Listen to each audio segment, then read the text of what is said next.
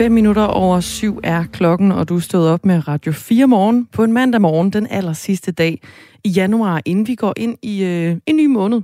Den hedder februar, og i dag der er det jo sådan set også øh, første gang i aften, man kan øh, være sent ude på barne og på restauranterne. Ja, så på den måde er øh, den 31. januar øh, første dag i resten af dit liv. De øverste chefer i politiets efterretningstjeneste, øh, PET, og Forsvarets efterretningstjeneste, som kaldes FE, samt en række chefredaktører for nogle af landets største medier er blevet indkaldt som vidne i øh, en sag om den terrordømte Ahmed Samsam, og det skal det handle om nu. Ahmed Samsam øh, blev fængslet i Spanien i år 2017, og her fik han året efter en terrordom, og myndighederne stemplede ham som en meget farlig jihadist, fordi de mente, at han øh, rejste til Syrien for at tilknytte sig islamisk stat i kampen mod øh, diktatoren Bashar al-Assad. Ahmed Samsam mener, at han er fejlagtigt øh, dømt, da han var i Syrien som agent for de danske efterretningstjenester. Vi skal tale med Erbil Kaya, som er forsvarsadvokat for Ahmed Samsam øh, nu. Godmorgen. Ja, godmorgen. Øh, du har indkaldt både chefer i efterretningstjenesterne og en række chefredaktører for landets medier, som har omtalt den her sag. Hvorfor har du gjort det? Øh, de er ikke blevet indkaldt endnu, men de vil øh, højst sandsynligt blive indkaldt, øh, og det vil vi gøre, fordi at det har jo været fremme i medierne, at efterretningstjenesterne har været forbi dem og, og sagt, at de jo kunne blive straffet efter straffeloven, hvis de blev ved med at skrive om øh, tre specifikke sager, hvor Ahmed Samsam jo så er den e-, ene af dem. Og det er jo, vi har jo anlagt en sag, øh, hvor øh, vi har bedt retten om at øh, øh, hvad hedder det, tilpligte øh, efterretningstjenester anerkende, at øh, min klient han var deres mand, øh, altså deres agent, og at han øh, på den måde i sidste ende, kan man sige, jo er dømt med urette i Spanien øh, for noget, som man jo har gjort under efterretningstjenesternes kontrol og, og, og vilje. Øh, så derfor, så det, og i og med, at de hverken vil sige, hverken det ene eller det andet efterretningstjenesterne, de vil hverken bede eller afkræfte, jamen så bliver vi selvfølgelig nødt til at løfte bevisbyrden på den ene eller den anden måde, og, øh, og det her, det er jo så en af de muligheder, vi, vi har. Så det kommer I til? Altså I kommer til at indkalde chefredaktører for landets største ja. medier også i sagen? Det kommer vi til. Erbil er altså øh, forsvarsadvokat for øh, Ahmed Samsam. Jeg kommer lige med, øh, med et kort ris af sagen. Øh, den kom jo først til offentlighedens kendskab, da Berlingske skrev, at den tidligere øh, syrienkriger i virkeligheden var efterretningsagent, som i overvis havde leveret uvurderlige oplysninger til myndighederne her i Danmark om øh, danske syrienkrigere i Mellemøsten og øh, herhjemme. Øh, Berlingske har igennem flere år leveret detaljerede oplysninger om håndteringen af sagen i både øh, FE og, og PET. Øh, I har jo lagt sag an mod efterretningstjenesterne. Hvorfor er det kommet dertil? Jamen, det er jo kommet dertil, øh, øh, fordi at øh, øh, den forhandling, der har været øh, mellem Ahmed Samsam og efterretningstjenesterne om at finde en mindelig løsning på det her. Fordi der, det, han har jo fået ødelagt sit liv fuldstændig, øh, fordi han jo har fået en dom på, som han så skal afzone her, øh, og i gang med, med den øh, på femte år, øh, for noget, som man absolut er uskyldig i. Øh, og, og der efterretningstjenesterne jo ikke har været villige til at forhandle og anerkende og gøre noget som helst, øh, jamen så har Ahmed jo kun én mulighed i den her sag for at få øh, genrejsning, kan man sige, med at, at få genoprettet sin, øh, sin øh, ære og værdighed, kan man sige, i samfundet, fordi han jo har fået et prædikat nu som terrorist. Øh, så det her, det er jo sidste udvej. Så det, det, det er jo ikke noget, som Ahmed på nogen måde har ønsket offentlighed omkring den her sag. Det er ikke noget, han, har, øh, han er begejstret for at skulle gå i retten og alle de her ting. Øh, og, og den opmærksomhed, der følger med.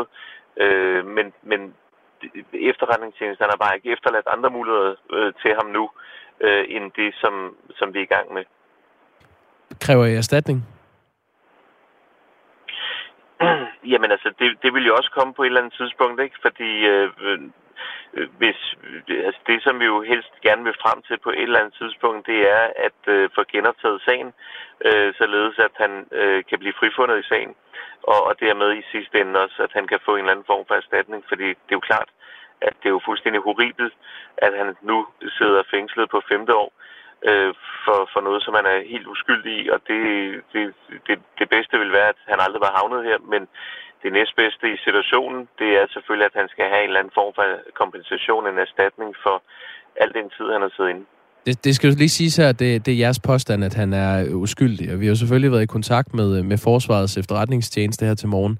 De oplyser, at de ikke har nogen kommentar til sagen. Vi har også forsøgt at få en kommentar fra PET, og det har ikke været muligt. Øhm, en af dem, I gerne ser i øh, vidneskranken, øh, Erbil Kaya, som altså er forsvarsadvokat for Ahmed Samsam, det er øh, den fængslede spionchef Lars Finsen. Der er jo meget øh, blæst om ham lige nu. Tror du, det er realistisk, at han kommer til at udtale sig i den her sag? Det ved jeg ikke. Det skal jeg ikke forholde mig til. Altså, ja, det, vil, det er i hvert fald naturligt at indkalde ham, fordi det jo er sket i hans, øh, øh i, i hans øh, periode øh, som øh, FE-chef.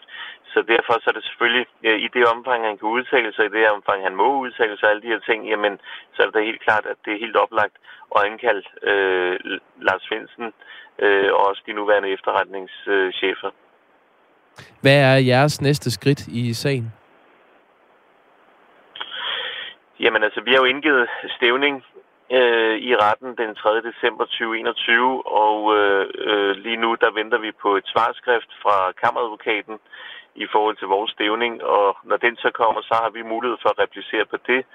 Øh, så, så der vil vi selvfølgelig gøre øh, vores synspunkter gældende, yderligere gældende, øh, og også påpege, at vi øh, vil indkalde de her personer. Berlingske har altså øh, afdækket den her sag gennem øh, flere år. Vi kan da sige, at vi kommer til at tale med chefredaktør på Berlingske, Tom Jensen. Det gør vi om en halv times tid. Erbil Kaja, du skal have tak for, at du er med her i programmet. Selv tak. Forsvarsadvokat for øh, Ahmed Samsam. Klokken er 12 minutter over syv. Du lytter til Radio 4 morgen.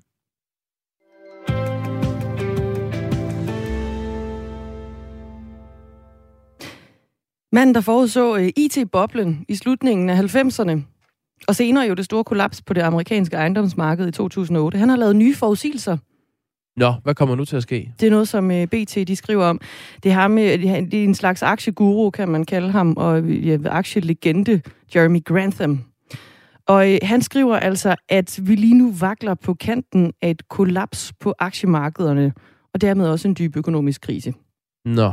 Det er jo sådan lidt uhyggeligt, når det er manden, der altså forudså IT-boblen og øh, det, der blev til den store krise i 2008. Hvad er hans pointe? Jamen, han øh, argumenterer i en redegørelse for, at vi kan sætte flueben ved en lang række sådan indikatorer på, at vi er på vej ind i den sidste fase, før en øh, potentiel boble brister. brister. Checklisten for en superboble, der går igennem alle sine faser, er nu komplet, siger han. Den vilde tumult kan begynde når som helst. Sådan skrev han i øh, den her redegørelse. Og konkluderede, når pessimismen vender tilbage på markederne, står vi over for den potentielt største nedgang i velstand i amerikansk historie. Og hans vurdering, det er altså, at når aktiemarkedernes nedtur sådan for alvor sætter ind, så kan markedet falde med op til 50 procent. Det er til at tage og føle på, hvis øh, det, det sker. Det er jo en... er seriøst til at tage og føle på. Og det er jo mest, øh, kan man sige, øhm, interessant, at det lige er ord, der kommer fra ham, når nu han har været sådan relativt spids på, hvad der er sket sådan historisk øh, på, på aktiemarkederne, må man sige. Ikke? Vi har jo også her i programmet været øh, sådan øh, set nærmere på den øh, udvikling, der har været under pandemien på aktiemarkedet. Der er jo mange, der har tjent øh, mange penge. Mm. Så så var der et, et lille fald øh, for nylig, eller mindre fald. Øh, for, for en privatperson vil det jo være fuldstændig øh, ruinerende fald, men, mm. øh, men øh, Novo Nordisk faldt for eksempel øh, ret kraftigt, øh, deres aktiekurs. Men det er jo så også på skuldrene af, at det er gået op i en lang periode. Øhm, Sendt. Men ikke desto mindre øh, interessant og øh, foruroligende. Ja, og han siger, at den nuværende situation, den minder om det historiske krak i 1929, som jo også er sådan noget, der er kommet i, øh, i historiebøgerne. Øh, det er nærmest et uhyggeligt klassisk eksempel. Det er meget sjældent mønster, men vi har sat flueben ved hvert et punkt på listen det seneste år, siger han i et interview med noget, der hedder Front Row på Bloomberg TV. Samtidig så lød hans vurdering også, at den kommende krise, den vil blive, øh, jamen det bliver værre og værre, Jacob Grosen. Den bliver både lang og dyb, siger han. Hold op. Der er Jamen... kun en bestemt mængde billig olie billig nikkel og billig kover, og vi er tæt på at ramme nogle af de grænser. Klimakrisen bringer store flodbølger, alvorlig tørke, højere temperaturer. Intet af det gør det nemmere at producere afgrøder. Vi kommer til at leve i en verden, hvor der er varemangel og prishop alle vegne. Du er stået op til en uh, mandag morgen. vi, uh, vi giver dig både uh, det dårlige nyt, men tegn. vi skal også nok bestræbe os på at finde noget, der kan holde humøret lidt højt. Det er selvfølgelig kun forudsigelser, det her. Det husker vi lige at nævne, men de kommer altså fra ham, der forudså IT-boblen og også den store krise i USA i 2008 i forbindelse med, med ejendomsmarkedet.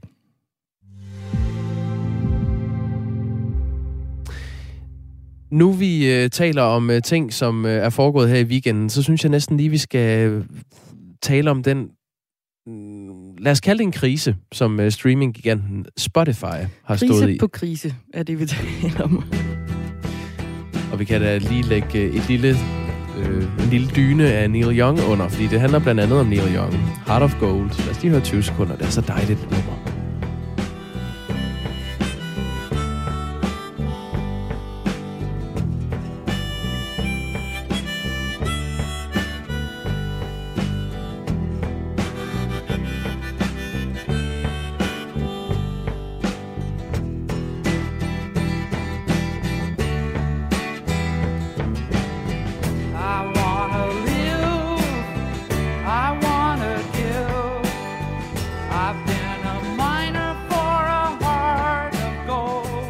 Er manden med Heart of Gold, øh, Neil Young, som nu er blevet 76 år, men han er, øh, han er stadig øh, klar på en kamp. Og den har han altså valgt her i weekenden at tage med Spotify, streamingtjenesten. Ja, de er kommet. Ja, øhm, det hele går ud på, at øh, Spotify har en række øh, samtaleprogrammer liggende som øh, podcast, der hedder The, The Joe Rogan Experience som er Joe Rogan. Han er alt mulig mand, stand-up-komiker, øhm, kommentator af det, der hedder Mixed Martial Arts. Og så er han altså også øh, øh, coronaskeptiker, i hvert fald skeptiker over for vaccinen mod corona. Han har blandt andet opfordret unge og sunde mennesker til ikke at lade sig vaccinere. Og så har han øh, lavet et øh, interview med en læge og vaccinemodstander, der hedder Robert Malone. Og efter det afsnit, øh, blev frigivet på Spotify, som har eksklusive rettigheder til The Joe Rogan Experience, mm. så var der 270 læger og epidemiologer og andre fagfolk, der skrev under på et åbent brev til Spotify, hvor de remser op af tilfælde, hvor de mener, at Joe Rogan, øh, som de skriver gentagende gange, har spredt vildledende og forkerte påstande i sit podcast, hvilket udløser mistillid til forskere og lægevidenskab. Øh, så det er altså fejlinformation om corona, som de her fagfolk øh, anklager Joe Rogan for, og dermed også indirekte Spotify, som mm. ligger det her tilgængeligt. Øh, det er noget, som på verdensplan når ud til mange, The Joe Rogan Experience. Man anslår, at der er omkring 11 millioner lyttere per afsnit. Og så kommer vi så frem til manden med mundharmonikaen her, Neil Young. Han vil ikke finde sig i det. Han vil ikke have sin egen musik liggende på Spotify, når de har Joe Rogan liggende. Han har simpelthen sagt her i weekenden, de må vælge mellem Joe Rogan eller Neil Young. De kan ikke få begge dele. Okay. Og øh, da han begyndte at rasle med sablerne, så var der også et øh, andet øh, rock Joni Mitchell, der blandede sig og sagde, så kan de heller ikke have min musik liggende. Og øh, så, så var der en, som jeg ikke vil kalde et rock men James Blunt, der har lavet den der You're Beautiful. Det er ikke rigtig rock Nej, han, men han var også ude at sige, at så, øh, så kan I glemme at have min musik liggende. Og alt det bare for at sige, at det har Spotify øh, taget notits af. Ja, så det, hvad konklusionen på det hele er? Konklusionen for er, at beholde Neil Young og Johnny Mitchell på deres platform. Ja, og for at beholde markedsværdien, fordi de tabte mm. 13 milliarder i uh, markedsværdi, sådan relativt hurtigt efter, at de her musikere meldte ud, at deres musik ikke skulle ligge der længere. Så har Spotify imødekommet uh, kritikken på en måde. De siger stadig, at de, de var ked af, at uh, Neil Young ikke vil have musikken liggende, men uh, de går også ind for ligesom at have et, et, uh, en åben platform, hvor der er plads til, til lidt af hvert. Og uh, nu har de så lyttet så meget til kritikken, at de laver en ny coronamærkning, som man kender fra sociale medier som Facebook og Twitter, hvor der så øh, kommer til at, at være et markat og et link til fakta om øh, coronavirus, hvis øh, de har noget indhold, der liggende som omhandler øh, corona i en eller anden afskygning. Hvad, har vi nordlyd på den der, sådan cirka? Er det sådan noget, øh, vi tager ikke ansvar for, hvad der bliver fremlagt af øh, whatever? Nej, altså der er en, øh, en stifter og direktør for Spotify, der hedder Daniel Ek, Han er øh, svensker, og han siger til nyhedsbureauet AFP, vi arbejder på at tilføje information om indholdet af et hvert podcast-afsnit, der indeholder en diskussion om covid-19. Mm. Så det er så langt, øh, vi når lige nu, og det skal så være et link til side med fakta og opdateret information, og så øh, links til pålidelige kilder, forklarer Daniel ikke. Om ikke andet, så kommer man sikkert til at høre den. Hvis man finder sin podcast på Spotify i hvert fald, så kommer man muligvis til at høre den her disclaimer, de øh, ligger på alle deres øh, podcast-afsnit, hvor der altså bliver snakket om corona. Nemlig. Og hvis du er, øh, ja, i nogle af dem, og hvis du er Spotify-bruger, så kan vi da trøste dig med at sige, at øh, Neil Youngs musik ligger der endnu.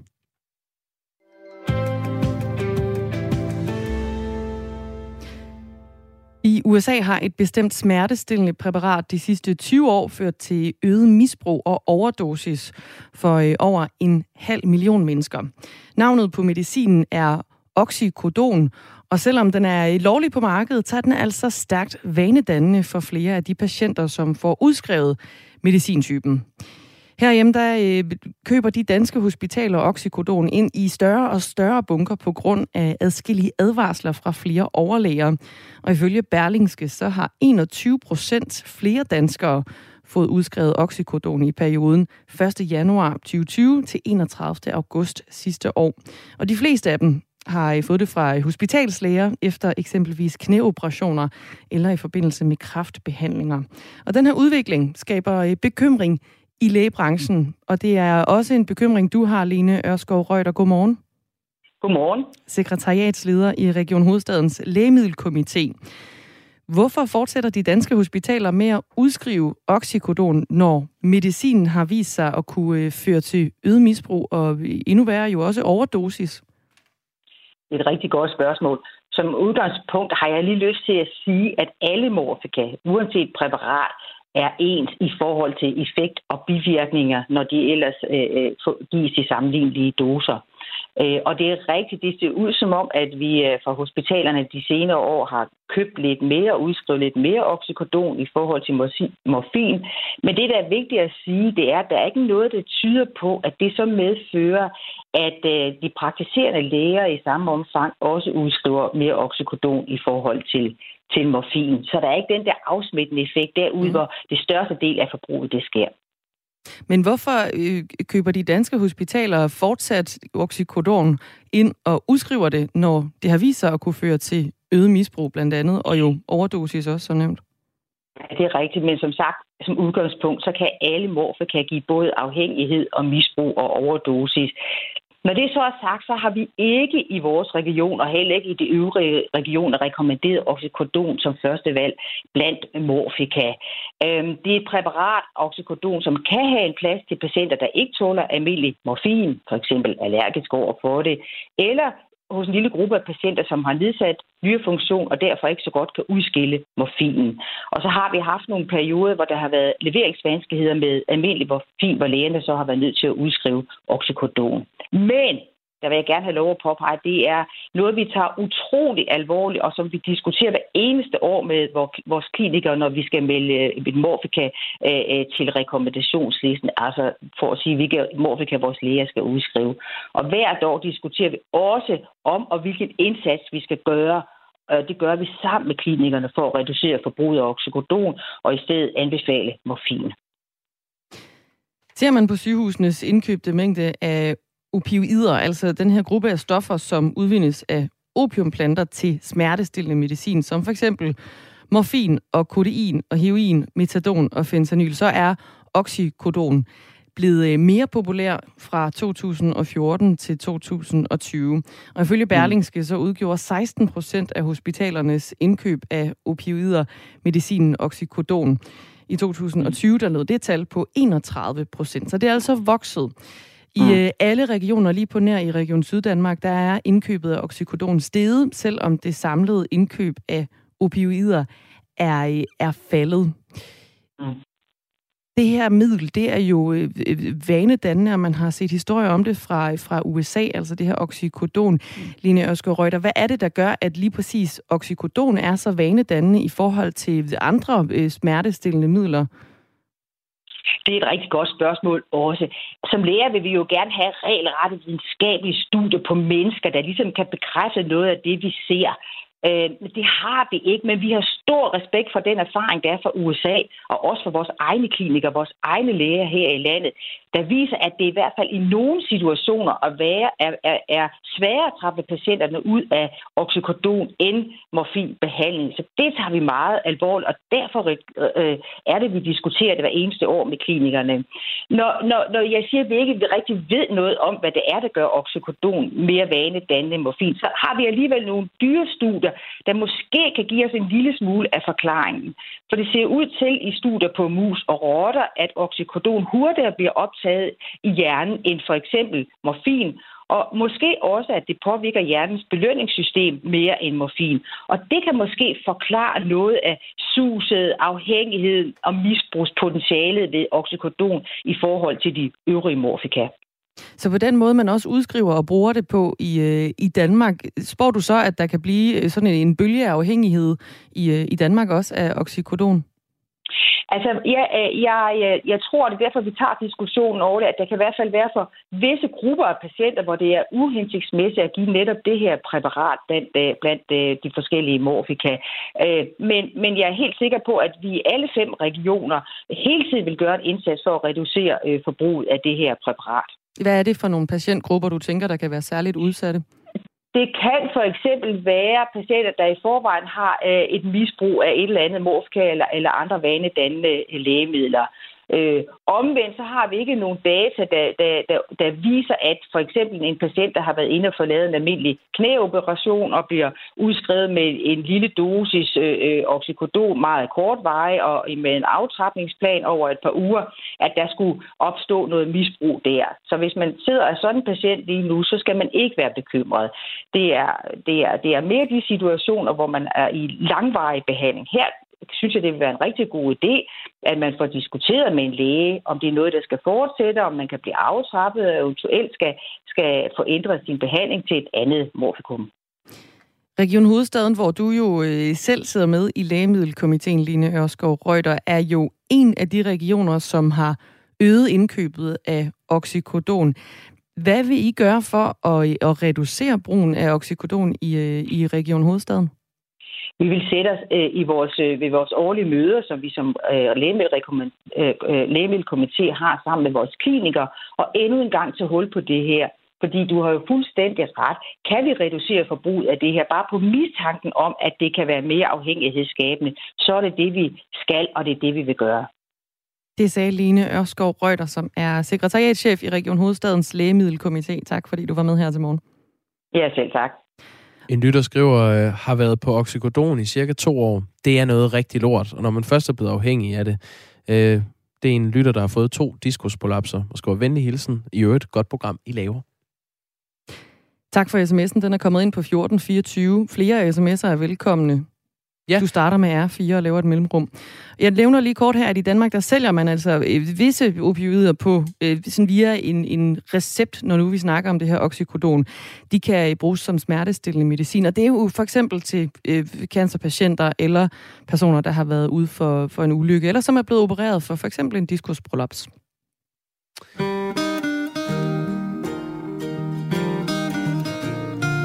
Hvorfor hører vi James Blunt nu?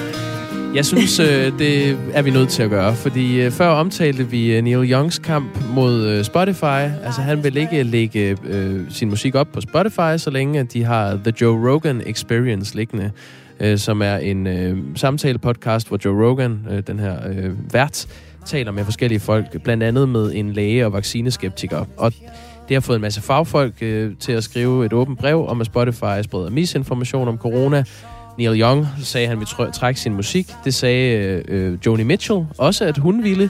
Øh, Spotify er øh, faldet til patten, så at sige, og har lavet nu, eller vil lave en disclaimer, hvis der er noget indhold, der handler om corona. Og hvor kommer ham her så ind? You're beautiful. You're beautiful. Jeg nævnte ham før, James Blunt, fordi han også havde øh, sagt noget i den her forbindelse. Det, han har sagt, er faktisk ret sjovt. Okay. Han har sagt, at øh, han, øh, han tror simpelthen med at lægge ny musik på Spotify, hvis ikke de trækker øh, Joe Rogan. Så øh, ja, det er faktisk, han er ret sjov på Twitter, James Blunt, hvis man ja. øh, skulle være til... Øh, en lille anbefaling til, til at følge ja. ham. Ud med, med tungen, helt ud i siden af kinden, og så find øh, James Blunt derinde. Klokken den er halv otte, og du lytter til Radio 4 morgen. Nu med nyheder med Anne Philipsen.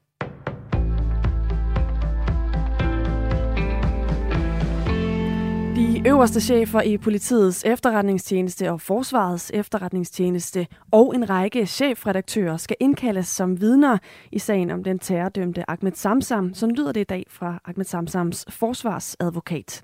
Berlingske har tidligere på baggrund af anonyme kilder beskrevet, hvordan Ahmed Samsam angiveligt skulle være vævet af de danske efterretningstjenester som agent, og ifølge Berlingske så har Danmark betalt Samsams rejser til Syrien, for han kunne tilslutte sig islamisk stat med henblik på spionage.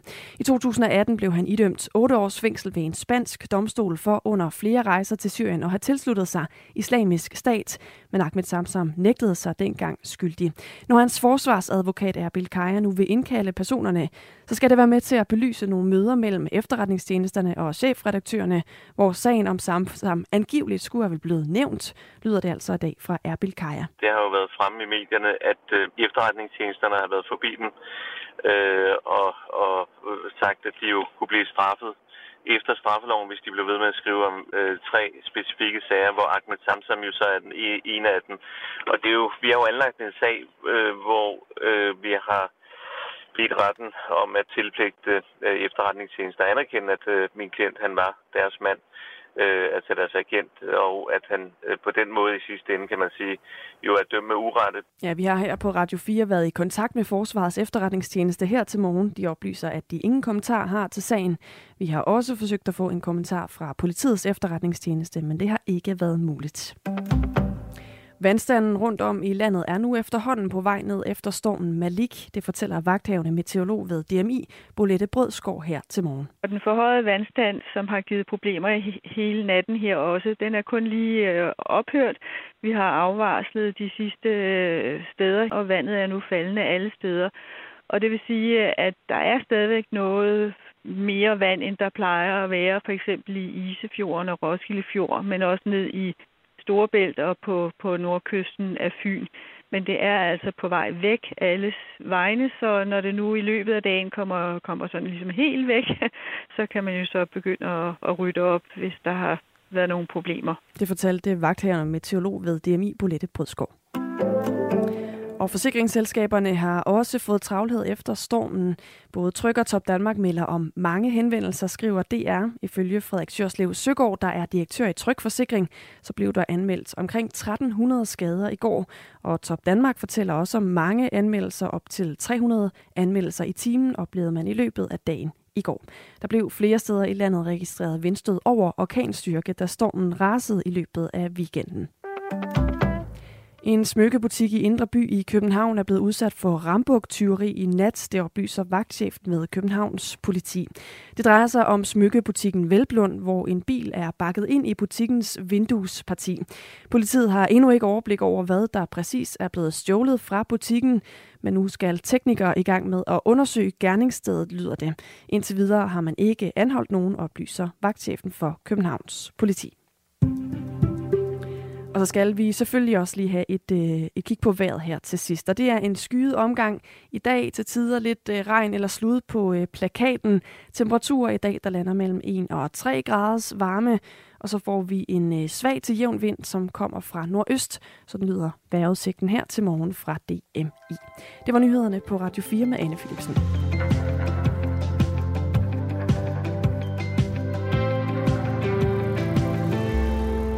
God morgen og velkommen til januars yderste dag. Her i studiet er Dagmar i Møstergaard og Jacob Grosen. Du lytter til Radio 4 morgen. På en mandag? Ja. Og det er jo øh, efter oven på en weekend, hvor øh, den stærkeste storm i over fem år i Danmark, den er altså havet. Det var jo stormen Malik, der ramte. Over hele landet, der væltede træer. Haver blev oversvømmet, og flere steder, der blev der lukket broer, og togdriften blev også indstillet. Tony Vejgaard Morsing, han er beboer i byen Grænsted ved Bilund, og øh, havde en øh, voldsom oplevelse, kan man sige. Godmorgen, Tony Vejgaard Morsing. Godmorgen. Hvordan opdagede du, at øh, der var noget galt midt i øh, stormen? Jamen, øh, det var jo sådan, at jeg er ude og gå med vores valg der kvart i seks om morgenen og kunne høre noget metal øh, et eller andet sted, men det var jo mørkt, og jeg kunne ikke rigtig se noget, så jeg gik jo ind igen med hunden jo. Og så, øh, da min søn på fire år, han så vågner og kigger ud i haven, så kigger han sådan på mig, og så siger han, far, hvor er skuret? Så tænkte jeg, øh, hvad, hvad, hvad for noget? Så kigger jeg sådan ud, og så kunne jeg bare se alle cykler og alt muligt. De stod bare midt ude i haven, ude et skur, og det lå så over på naboens bil. Så, så oven på naboens bil, altså hele skuret? Hele skuret, der var fløjen 6-7 meter, og så lå den oven på bilen. Ja. Vil du ikke lige prøve, Tony, at lige sætte et par ord på det her skur? Hvor stort er det? Hvor meget har ligesom mængdemæssigt flyttet sig fra der, hvor skuret stod, til oven på naboens bil? Jamen altså, skuret, det er jo sådan cirka de der 9 kvadratmeter, så det er et øh, blækskur, som jeg så havde fastgjort i nogle øh, store fliser og sådan noget, men øh, fliserne, de var så også, også røgnet med, og en af mine øh, søns cykler var også røget med, fordi den hang på en kæde. Så den har simpelthen, øh, ja, jeg ved ikke, hvor mange kilo den har flyttet, der kastevind. Øh, fordi jeg snakkede med en, nogle andre naboer øh, senere, og de var blevet væk der 20 minutter i tre om natten af et kæmpe brag. Men øh, de kunne så heller ikke se noget, jo, så... Øh, så Fordi det, det var de der. mørkt? Fuldstændig, ja. Så øh, jeg måtte ind og vække konen og sige, at skuret ligger om på vores nabos bil, og så kiggede hun bare på mig ligesom om øh, hvad. Og så rendte jeg så over til naboen, og, og så fik vi så skuret fjernet og bakket bilen væk og sådan noget. Okay, så bilen, hvordan, hvordan, i hvilken tilstand var den i ovenpå at have fået et, øh, et blikskur på 9 kvadratmeter ovenpå sig? Jamen, den har fået øh, en stor ris på kølehjelmen, og så havde den fået en ris på døren og let på taget. Okay. Det var det. det. Ja, så den overlevede. Nå, det er godt. Og hvad, hvad ja, med stemningen det... med, mellem dig og, og naboen? Hvordan er den nu?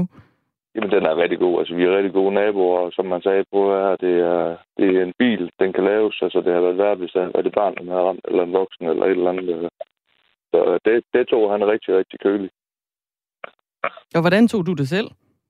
Jamen, jeg var meget chokeret, fordi at det, øh, det, det skur, det har stået ude i fem år, og det har blæst og regnet og gjort noget, den har aldrig rykket sig.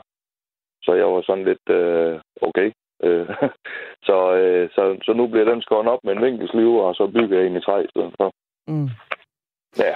Og det var jo altså øh, stormen med navnet Malik, der er den første storm på DMI's stormliste siden december 2016, hvor stormen Urt var over Danmark. Og Malik blev en øh, klasse 2-storm, der altså hæv øh, Tonys skur med over i naboens bil. Det er øh, oplysninger fra Danmarks Meteorologiske Institut, altså at stormen blev en klasse 2-storm. Og storme i Danmark, de er opdelt i kategorierne 1-4, hvor 4 er øh, den stærkeste. Og udover det her skur, vi altså øh, taler om her sammen med Tony Vejgaard Morsing fra Grænsted, så øh, kan vi også nævne, at øh, der i Esbjerg var tre, der kom til skade, da et træ væltede ned over en bil. Ifølge sjællandske medier, der er et barn svært øh, til skadekommen nord for København, fordi et træ væltede ned over et hus. Og på Fyn, der er en øh, 78-årig kvinde omkommet en ulykke, fordi stormen blæste en dør af en lade, og kvinden blev så trukket med af den her dør. I jeres tilfælde her, der var ikke nogen, der kom til skade med, med, med skuret, der fløj over i bilen? Nej, det var der ikke overhovedet ikke. Mm. Så, øh, så det var heldigt nok. Det var kun bilen, som led skade. Ja. ja. Og det, Heldig. Det jo, ja, det må man sige. Det var heldigt. Det var jo også midt om natten, ja. så det er sjældent, man, man render rundt ude i skuret klokken, øh, klokken 3 om natten.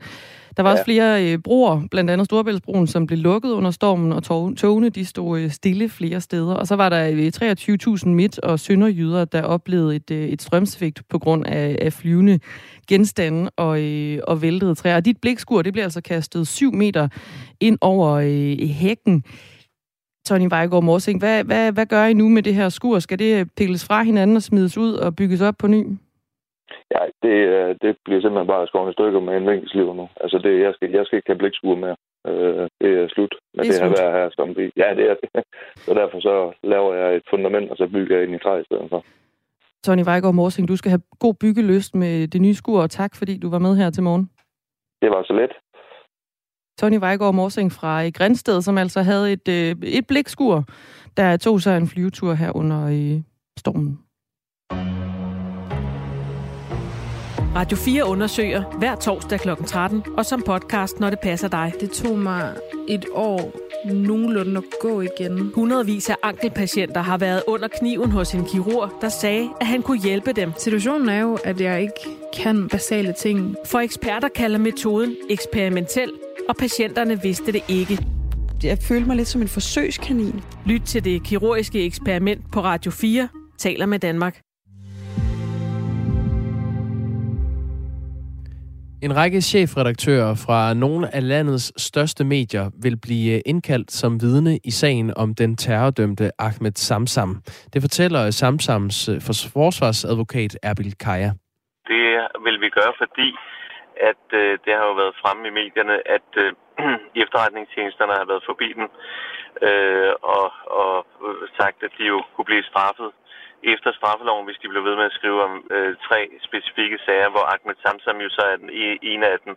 Og det er jo, vi har jo anlagt en sag, øh, hvor øh, vi har bedt retten om at øh, øh, hvad hedder det, tilpligte øh, efterretningstjenester anerkende, at øh, min klient han var deres mand, øh, altså deres agent, og at han øh, på den måde i sidste ende, kan man sige, jo er dømt med urette det siger altså Erbil Kaya, som er forsvarsadvokat for Ahmed Samsam.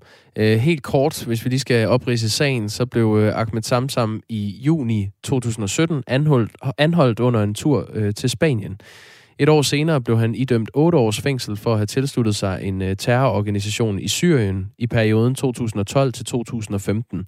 Ifølge Danmarks Radios oplysninger var øh, Samsam sendt ud og betalt af PET og øh, FE, da han rejste til Syrien. Det skete altså med et mål om at indsamle informationer om danske syrienkrigere. Berlingske har i en række artikler tidligere afdækket sagen og konsekvenserne for øh, Ahmed Samsam. Hans spanske dom blev i Danmark konverteret til seks år, som han nu øh, er ved at afzone i et dansk fængsel. Og han har siden øh, dommen øh, faldt forsøgt at komme ud, og har nu altså stævnet PET og FE for at få anerkendt, at han arbejdede for øh, efterretningstjenesterne. Tom Jensen er chefredaktør på Berlingske. Godmorgen. Godmorgen. Du er en af dem, der kan se frem til en øh, vidneindkaldelse i den her sag. Hvordan vil du forholde dig, hvis du modtager den? Ja, så vil jeg selvfølgelig drøfte det med vores advokat, og så må vi jo se. Øh, vi har jo ikke modtaget indkaldelsen endnu, men, øh, men man kan blot konstatere, at øh, Ahmed Samsams øh, advokat øh, giver udtryk for den hensigt. Så nu må vi afvente.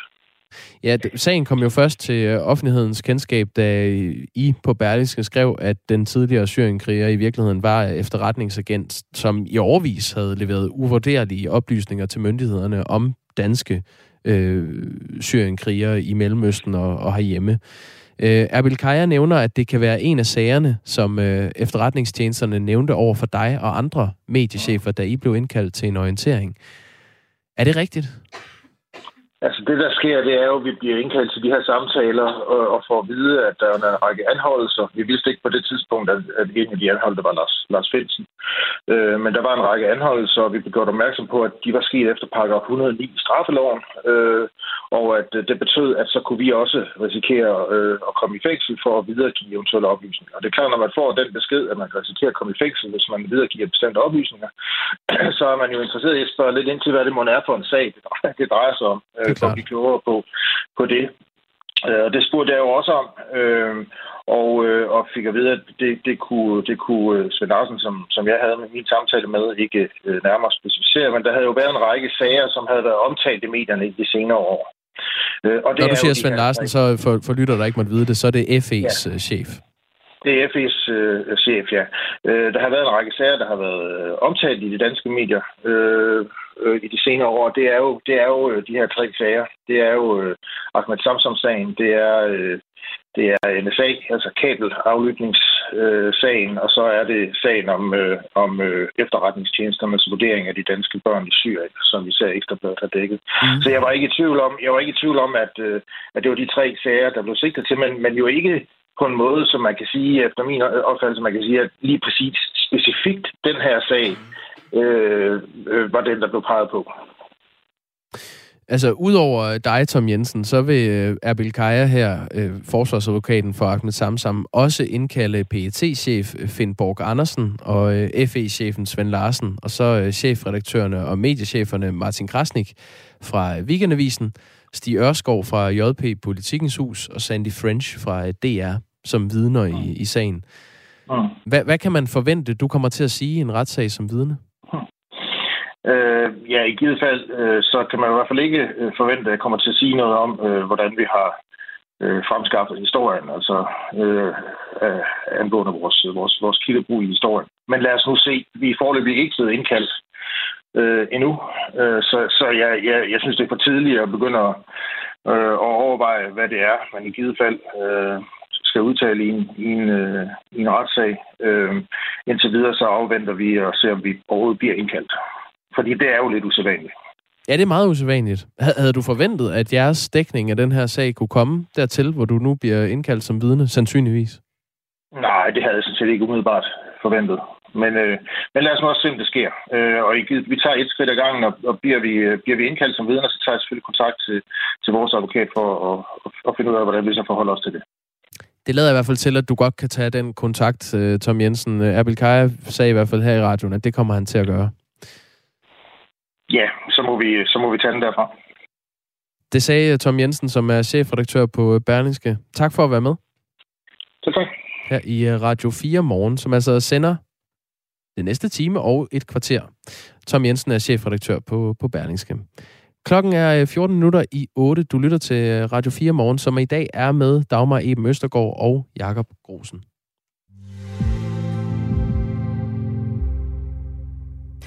Og Jakob Grosen, det er øhm, stor lussedag i dag. Stor lussedag? Stor lussedag. Hvad betyder det? Det er dagen, hvor øh, børnefamilierne i Danmark, de opfordres til at gå i gang med tættekammen den der sådan helt tæt kamp, som man glider igennem håret, og så fanger den selvfølgelig lusene, og måske også de æg, der nu kunne sidde Nå, et eller andet sted. Det var jeg slet ikke klar over, at det var en, øh, en dag, vi øh, håndhævede her, her til landet det, det, er 2022. Det er simpelthen en officiel dag, som har været afholdt siden år 2002. Og dermed så fylder Lussedagen jo 20 år i dag. Hvem står bag Lussedagen? Det er en øh, kvinde, som... Brrr, ja, hvad pokker var det, hun hed? Det finder jeg lige ud af til dig. I hvert fald, så har vi altså en lusedag i dag, som fylder 20 øh, år. Og øh, i den anledning skal vi selvfølgelig have en fødselsdagsquiz. Uh, har du lavet lusse fødselsdagsquiz? Jeg har lavet lusse fødselsdagsquiz. Ej, fantastisk emne. det er... Øhm, Hovedlusen, det er jo en lille fætter, eller kusine, eller hvad man nu vil kalde det, som bliver maks øh, op til sådan 3-4 mm lang. Mm. De suger blod fra din hovedbund. Ja, tak. Og øh, bidet, det efterlader så noget spyt, som, som klør. kan udløse en allergisk reaktion, som klør som bare pokker. Mm. Det kan også godt klø, hvis man bare snakker om det. Ja. Det kender jeg i hvert fald selv alt for godt. Jeg håber ikke, der er nogen, der kommer til at sidde og klø derude af, at vi sidder og snakker om lus herinde i radioen. Det er der givetvis. I så fald, øh, undskyld på forhånd. Men, hvor mange æg ligger en damelus i døgnet? En damelus? Øh, hun kan lægge... Øh, det er virkelig mange æg, tror jeg. Jeg tror, det er rigtig ulækkert. Øh, 100 æg. Vil du lige have en lille smule... Um... Ja, giv mig noget, du, nogle muligheder. Du får lige nogle muligheder. Er det uh, to til tre æg? Er det 3 til 4 æg? Eller Nå. 6 til 7 æg? Jamen, det er øh, 6 til 7 æg i døgnet. Det er 5 til 6 æg i døgnet, ifølge sundhed.dk. Det var tæt på. Mm. Du, du, du får den næsten. Nej. Næste spørgsmål. Vi kan lige sige her, at hundlusen ligger øh, jo bare et enkelt æg ad gangen, fordi hvert æg er så stort, at det kan fylde næsten øh, en femtedel af bagkroppen. Jeg så der, håber så der er slet ikke plads til øh, så mange æg. du, der lytter med, sidder og spiser morgenmad lige nu. Nej, det håber jeg heller ikke.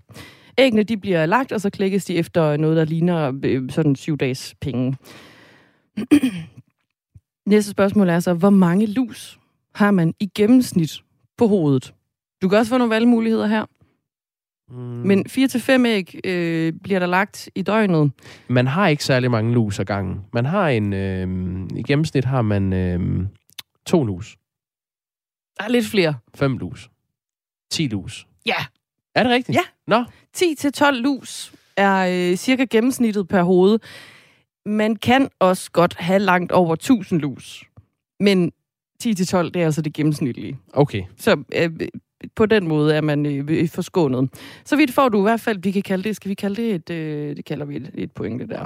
Ah, okay. sådan. Eller så får du et halvt point ja, for den. giv mig et halvt. Sidste spørgsmål. Hvor mange lussearter findes der, som bor på mennesker? Hmm. Der er også valgmuligheder her, hvis du øh, ja, jeg tror vil, du ikke, jeg har brug for det. dem. Ja. To slags, hmm. tre slags eller fem slags? Tre slags. Ding, ding, ding, ding. Ja, tre slags lus på mennesker. De tre arter er... Du kan få et bonuspoint her. Ja. Hvis du kan nævne de tre lusearter, Jamen, det kan jeg da på, på ingen måde. lus. Vi har jo i hvert fald hovedlusen, det er som klart. vi øh, snakker om i dag i anledning af Stor Lusedag. Ja. Stor lusedag har ikke rigtig noget med, med de andre lus at gøre. Det er mest for at undgå, at lusene de spredes blandt øh, børnene i skolerne, i daginstitutionerne osv. Mm.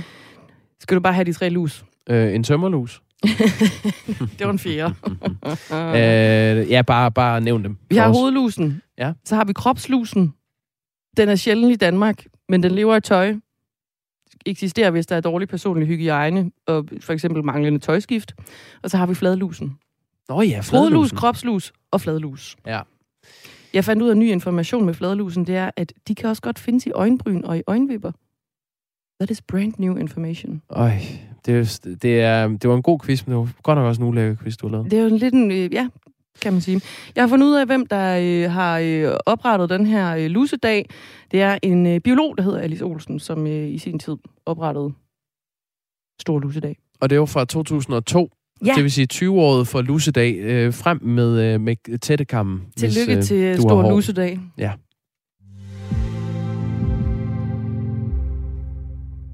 Kæmpe, kæmpe, kæmpe tillykke, Preben. Ja.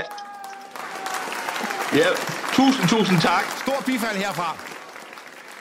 Sådan lød det i weekenden, da et af de største indsamlingsshows i Danmark, Danmarks indsamlingen, løb af stablen, hvor der i alt blev samlet 101 millioner kroner ind til coronakrisens børn.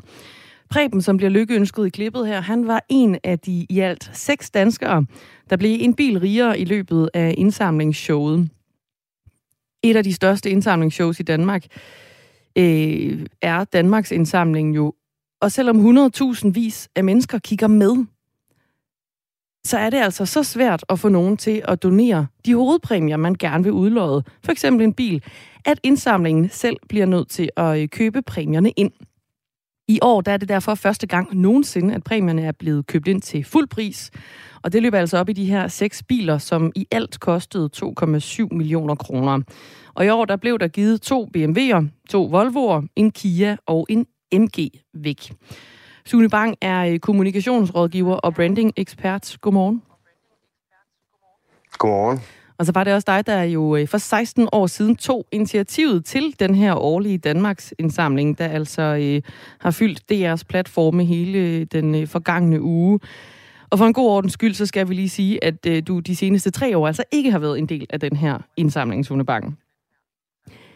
Vi starter lige med at, øh, at rise op. Øh, vi taler om en indsamling, der fylder i fladerne hen over en uge på Danmarks største public service kanal og på samtlige kanaler, både øh, i radio og på tv. Og så er der et øh, tv-show i weekenden, der har 100.000 vis af seere i gennemsnit hen over aftenen. Og så er der ovenikøbet tale om, at der er øh, omtale jo på kanaler, hvor det ellers almindeligvis er fuldkommen umuligt at købe sig reklametid. Derudover så er det øh, Danmarks 12 største velgørenhedsorganisationer, der står bag Danmarks indsamlingen. Men der er altså stadigvæk øh, udfordringer med at skaffe hovedpræmier, altså som donationer. Hvorfor vil nogle virksomheder ikke associeres med øh, jamen, alt det, jeg lige fik ridset op her i forbindelse med Danmarks indsamlingen, tror du, Sune Bang? Ja, det, det er et godt spørgsmål. Altså, jeg, jeg tror ikke, det er sådan, at man skal se på det, at de ikke vil associeres med Danmarks indsamling. Men jeg tror mere i højere grad, det er en økonomisk, øh, og måske også nogle gange lidt traditionel øh, tilgang, fordi altså, hvis man laver, hvis, hvis vi lige holder fast i bordkanten, og så laver et helt simpelt regnestykke, så er der, sidste år, der var der 650.000 seere i gennemsnit i Danmarks indsamling. Det er et fem timers langt program, det vil sige, at der er faktisk rigtig mange flere mennesker inde at se det i løbet af, af aftenen. Jeg tror, det er omkring 2 millioner mennesker, der er inde over showet i løbet af aftenen. Mm. Og bilerne får i showet omkring 10 minutters øh, omtale, altså minimum hver gang. Det vil koste langt over en million kroner, hvis man skulle købe reklamespots på tv, for at nå de samme seere. Nu nævnte du selv også, de er også med i radioen og andre steder. Mm. Og hvis man så endda oven i det lægger, at det ikke bare er klassisk reklame, du ved, sådan et reklamespot på 30 sekunder, men det er redaktionel omtale, så plejer man ofte at gange beløbet med en to til fire gange. Og den her redaktionelle omtale, den er endda også en meget meningsfyldt øh, sammenhæng. Det er jo verdensmålene, det er jo at gøre verden bedre og alt muligt andet. Så jeg forstår heller ikke, jeg, jeg har selv øh, kæmpet igennem, altså som du, som du nævnte, 12 år med at skaffe de her biler her. Øh, og ja, det er ikke så nemt, som man skulle tro, det var. Fordi man kan jo ikke normalt få den omtale på DR, som man kan i det show her. Ja, så hvorfor springer de ikke altså bare, på, når de kan, har muligheden for at få den her ja, omtale? Det, det spørgsmål har jeg også stillet mig selv, og jeg har også stillet nogle af, mange af de her øh, bilmærker øh, det, det samme spørgsmål. Problemet er også, at du ikke bare kan gå ud og så sige, at vi skal bare have en bil. Altså det er ret afgørende for, hvilken bil man har, øh, hvor mange penge der kommer ind på bilen. Og det er jo det, der er det afgørende. Det er jo det, det hele drejer sig om i Danmarks indsamling. Det er jo, at på de her timer er der så, så mange som muligt, der, der, der gider at deltage for at vinde bilen. Og man vil hellere vinde nogle biler, end man vil vinde nogle andre biler. Ja, der talte vi altså med Mulle Jul Korsholm, som er formand for Danmarks Indsamling tidligere på morgen, som sagde, at der var kommet cirka 55 millioner kroner ind i, øh, i forbindelse med, med indsamlingen og i de her biler. Det er det ikke. Altså, det, det, det, det er så god en øh, idé, og nogle gange, nogen, nogen kan nogle gange, øh, folk elsker måske nogle gange at have de her biler, men på den anden side, så har vi set igennem årene, det skal man jo også huske, det gør vi jo i forbindelse med Danmarks indsamling, det er, at vi forsøger jo det arbejdet at skaffe så mange penge som muligt, og når vi så finder ud af, jamen det kan måske bedre betale sig at have en bil, som mange kender, eller mange gerne vil have, end bare at have en bil, men så, så er Danmarks indsamling jo ikke interesseret i at tabe øh, øh, de muligheder for, for at kunne hjælpe mennesker. Øh, det gør jo kæmpe forskel, om der bliver samlet 60 millioner, 80 millioner, 100 millioner eller endnu flere penge ind, fordi så kan de her 12 organisationer gøre en kæmpe forskel.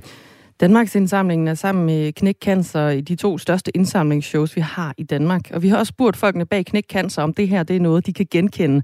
Altså at man er nødt til at, at købe sine store præmier, fordi der ikke var nogen, der ville donere præmierne. Og det kan de altså ikke genkende. Svaret det var ganske kort. Nej, det kan vi ikke genkende, lød det fra, øh, fra Knæk Cancer.